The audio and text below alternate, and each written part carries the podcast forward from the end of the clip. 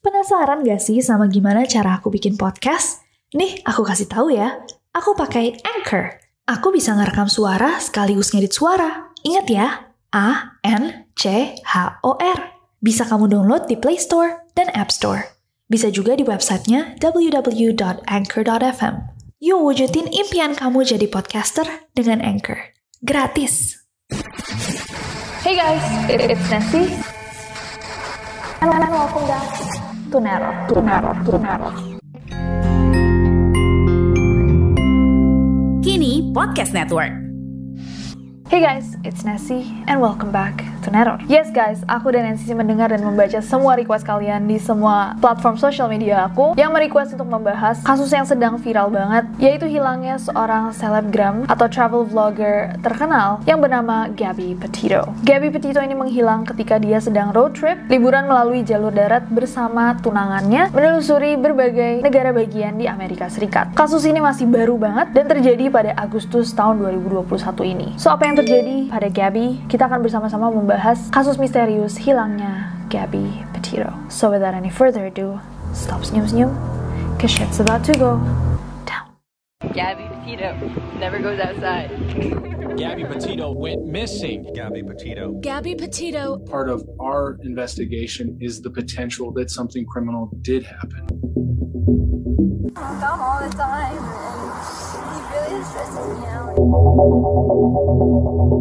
Gabby Petito loved life, loved people, and loved experiences.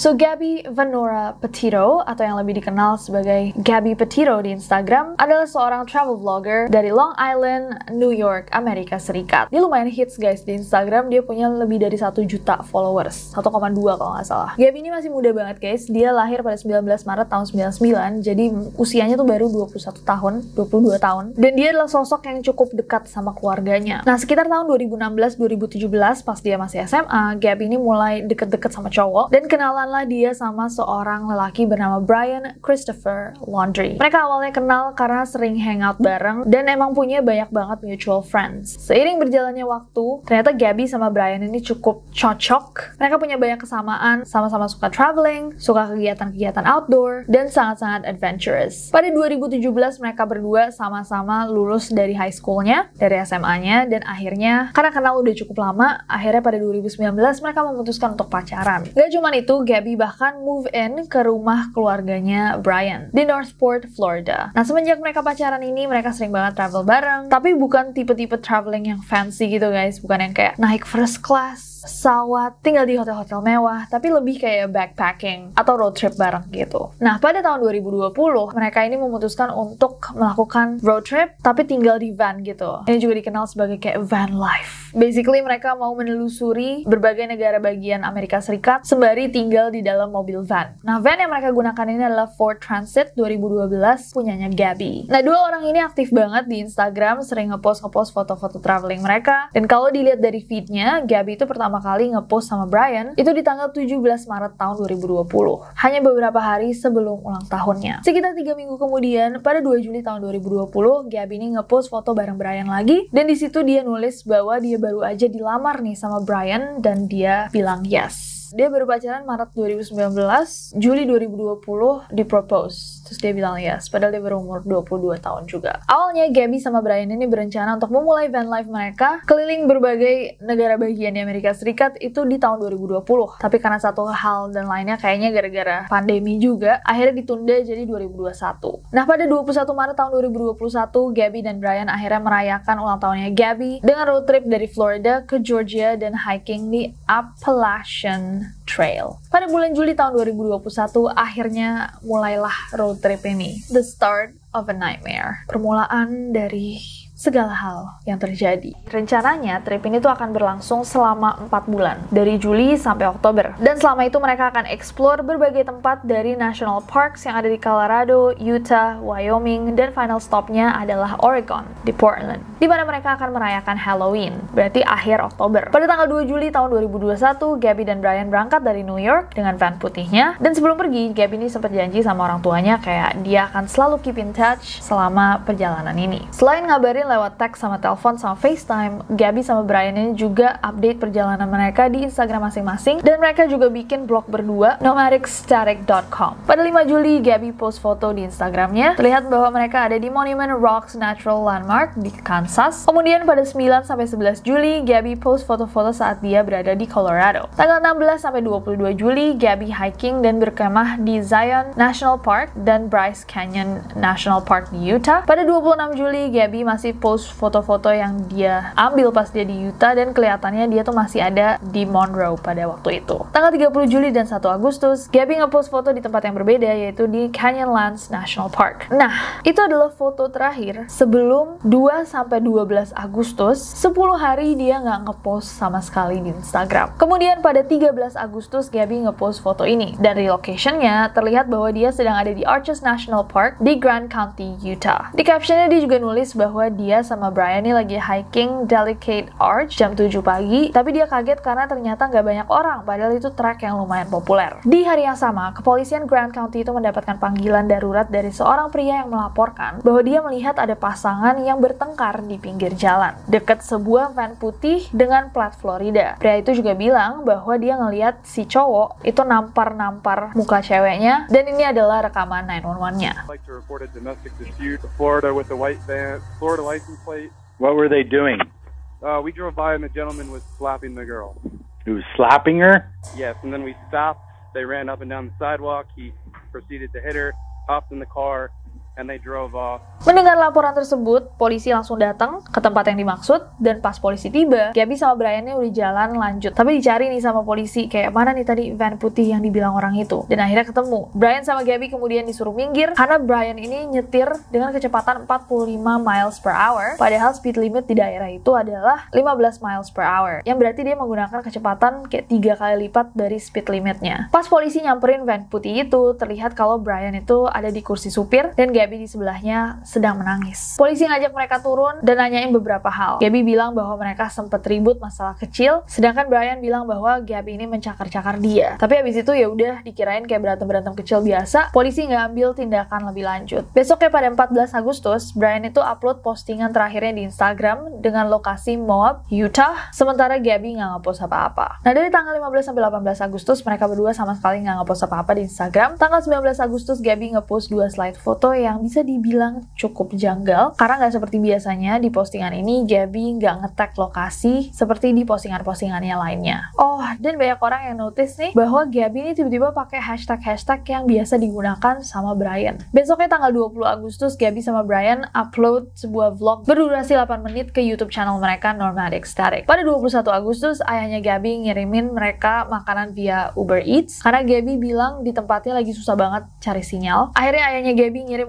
Eats ke sebuah hotel di Salt Lake City dekat airport. Lanjut ke 24 Agustus, Gabby sama Brian check out dari hotelnya di Salt Lake City. Gabby sempat FaceTime sama ibunya dan bilang bahwa mereka akan cabut dari Utah dan lanjut ke Grand Teton National Park di Wyoming. Setelah itu mereka akan lanjut ke Yellowstone National Park. Dan di 24 Agustus ini, jadi ini FaceTime terakhir di mana ibunya ngeliat si Gabby ini masih ada gitu, berbentuk manusia, bisa dilihat ngomong gitu. Tanggal 26 Agustus, Gabby telepon keluarganya ngabarin kalau dia lagi ada di Grand Teton National Park di Wyoming. Dan itu adalah hari terakhir Gabby ngepost di Instagramnya. Tapi yang dia post ini adalah foto yang cukup aneh, karena ini bukanlah foto traveling seperti yang sebelum-sebelumnya, melainkan ini adalah foto lama. Gabby sedang memegang kayak mainan pumpkin gitu, mainan labu, dan captionnya adalah Happy Halloween. Dan foto ini diupload pada 26 Agustus, yang berarti kayak dua bulan sebelum Halloween. Besoknya pada 27 Agustus, orang tuanya Gabby itu dapat pesan yang cukup aneh. Jadi tulisannya itu adalah, Can you help Stan? Stan itu adalah nama kakeknya Gabby. I just keep getting his voicemails and missed calls. Guys, kalian bisa nggak bantuin Stan? Dia tuh kayak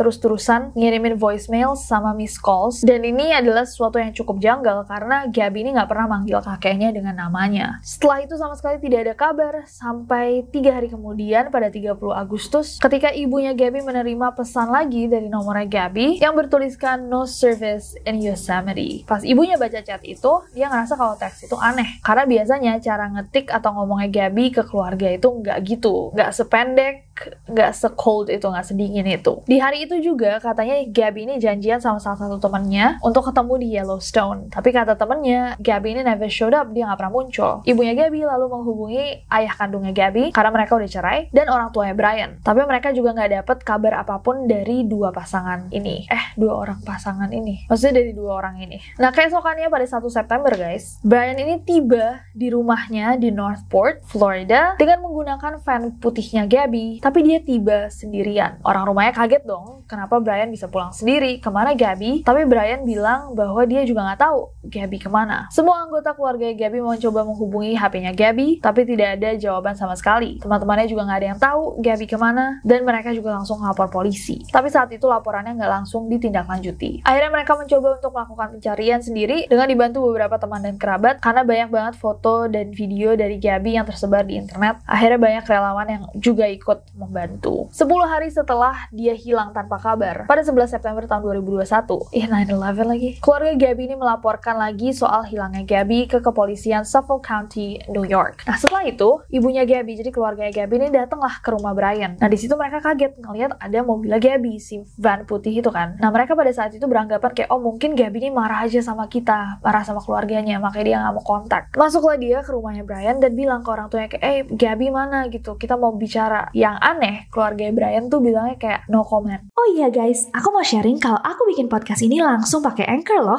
Selain bisa diupload langsung ke Spotify, di Anchor ini juga bisa tambahin back sound, kasih sound effect. Pokoknya Anchor ini ngebantu banget deh buat kamu yang mau bikin podcast keren dengan cara yang super simple.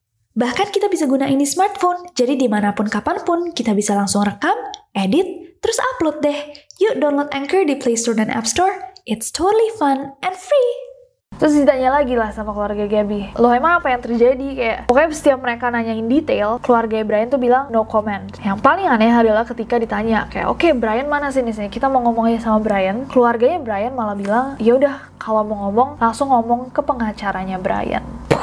Fishy. Dan di situ mereka juga baru tahu bahwa Brian ini ternyata sudah pulang dari 1 September. Jadi 10 hari sebelum mereka datang ke rumah Brian. Anyways, penyelidikan pun dimulai. Dan di momen ini yang ngurusin itu bukan cuman kepolisian Suffolk County, tapi Northport Police Department dan FBI pun ikut turun tangan. Karena kemungkinan lokasinya Gabby hilang itu nggak cuma di satu negara bagian doang. Di tanggal 11 September itu polisi lalu mencoba untuk mewawancarai Brian karena dia benar-benar satu-satunya orang yang selalu bersama Gabby sebelum dia menghilang. Namun Brian sama orang tuanya menolak permintaan itu. Polisi tetap mengamankan vannya Gabby sebagai barang bukti. Tanggal 14 September, polisi masih terus membujuk keluarga Brian supaya Brian bisa buka suara, tapi mereka sama sekali tidak kooperatif. Keluarga ini juga menyewa seorang pengacara bernama Steven Bertolino yang juga meminta Brian untuk nggak ngomong apa-apa ke polisi atau keluarganya Gabby. Tanggal 15 September karena Gabby juga belum ditemukan dan sikap keluarganya Brian itu super aneh. Brian ini mulai ditetapkan sebagai person of interest alias orang yang dicurigai.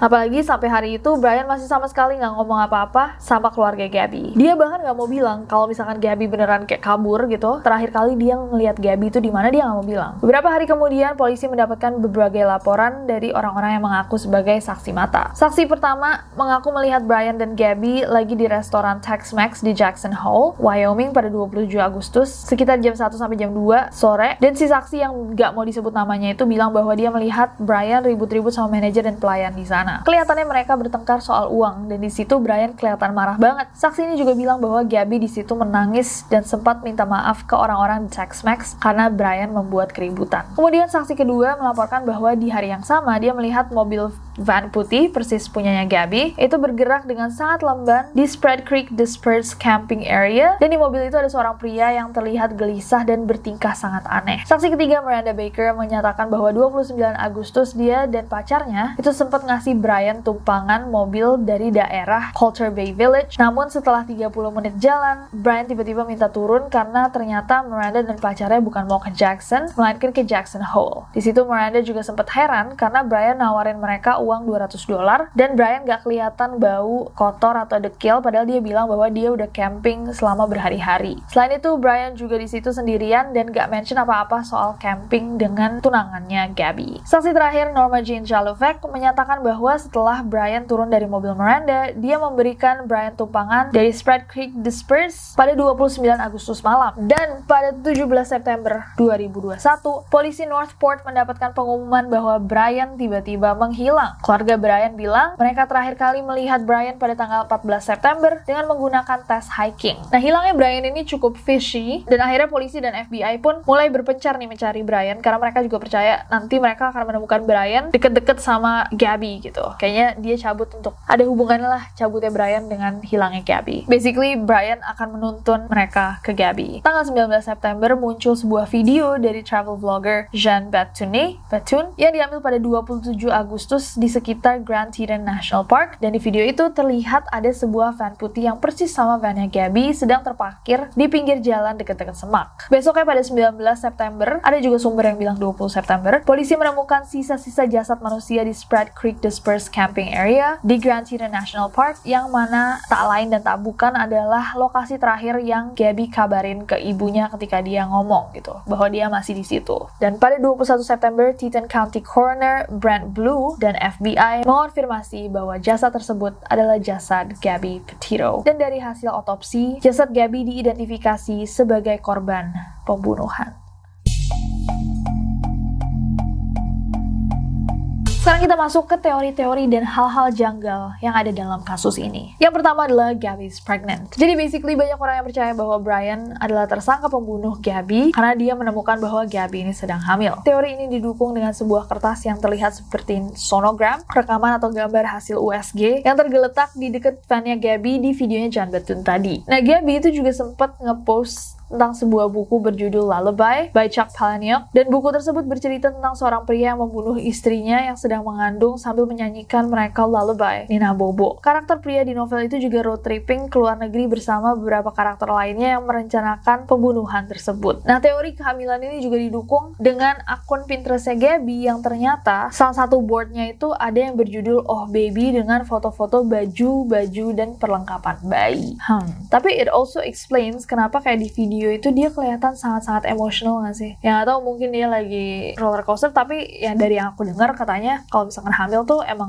lebih mood swings banget kan. Nah buku yang sama ini itu juga pernah dipost sama Brian jauh sebelumnya. Kayaknya ini bukunya Brian gitu loh. Mungkin dia yang membaca tentang karakter yang membunuh istrinya dalam road trip which is really crazy. Teori yang kedua adalah bahwa orang tuanya Brian ini terlibat. Teori selanjutnya ini muncul dari video yang sama, videonya si John Bethune. Kalau diperhatikan, ternyata saat mobilnya Jan Betun ini melewati van yang Gabby, terlihat bahwa pintu belakang mobil tersebut tiba-tiba tertutup. Di sebelah van juga terlihat ada sendal jepit milik Brian, sebuah buku, dan sebuah senter. Pas Jan Betun ini lagi jalan melewati van putih itu, terlihat ada sebuah truk hitam yang di dalamnya adalah seorang perempuan dengan sunglasses dan wig pirang, serta seorang pria botak yang mirip banget sama ayahnya Brian. Uh, Nah, menurut orang-orang yang sering camping, nggak umum kalau orang camping itu menggunakan mobil truk, apalagi bukan yang udah dimodifikasi dengan tenda. Dua orang yang terlihat di truk itu juga nggak kelihatan bahwa mereka bawa peralatan-peralatan camping. Mungkin kedua orang itu adalah orang tua Brian. Tiga teori tentang Stan. Di kronologi tadi aku sempat mention bahwa pada 27 Agustus tahun 2021, Gab ini sempat ngirim sebuah teks, sebuah SMS ke ibunya yang berisikan, Can you help Stan? I keep getting his voicemails and missed calls. Apakah kamu bisa membantu Stan, dia terus-terusan ngirim voicemail sama miss call. Nah, kayak tadi aku bilang juga, ini adalah hal aneh bahwa Gabby manggil kakeknya sendiri pakai namanya. Nah, dari situ muncullah teori bahwa Stan dalam pesan itu adalah sebuah kode yang diberikan oleh Gabby ke keluarganya karena Stan itu juga dikaitkan dengan salah satu lagunya Eminem di mana ada seorang karakter cowok bernama Stan yang mengikat istrinya yang sedang mengandung kemudian membunuhnya. Uh, that's creepy. Next. Next, ada teori tentang zone of death. Yang satu ini cukup menarik, tapi kita nggak punya terlalu banyak informasi. Obviously, kita nggak terlalu kenal sama hukum di Amerika Serikat. Tapi basically, banyak yang percaya bahwa Gabby ini sengaja diajak road trip ke salah satu wilayah di Amerika Serikat yang disebut dengan zone of death. Wilayah tersebut terletak di Yellowstone National Park di Idaho yang katanya seseorang yang melakukan tindak kriminal apa pun di zona ini tidak akan diproses secara hukum termasuk pembunuhan. Sampai hari kita shoot video ini, Brian Laundrie masih belum bisa ditemukan dia masih menghilang dan kita tidak tahu apa yang sebenarnya terjadi pada Gabby Petito. So itu tadi adalah kasusnya Gabby. Maaf banget kita udah lihat request ini dari minggu lalu minggu lalu tapi kita nungguin update dari kasus ini karena setiap hari kayak ada artikel baru atau teori baru apalagi sampai saat ini kasusnya juga masih belum selesai. But let's hope apa pun yang terjadi sama Gabby Petito, I hope dia di tempat yang lebih tenang dan siapa pun yang melakukan ini yang kemungkinan besar adalah Brian kalau enggak ngapain juga dia menghilang mendapatkan ganjaran yang seburuk-buruknya. Amin. Bye bye.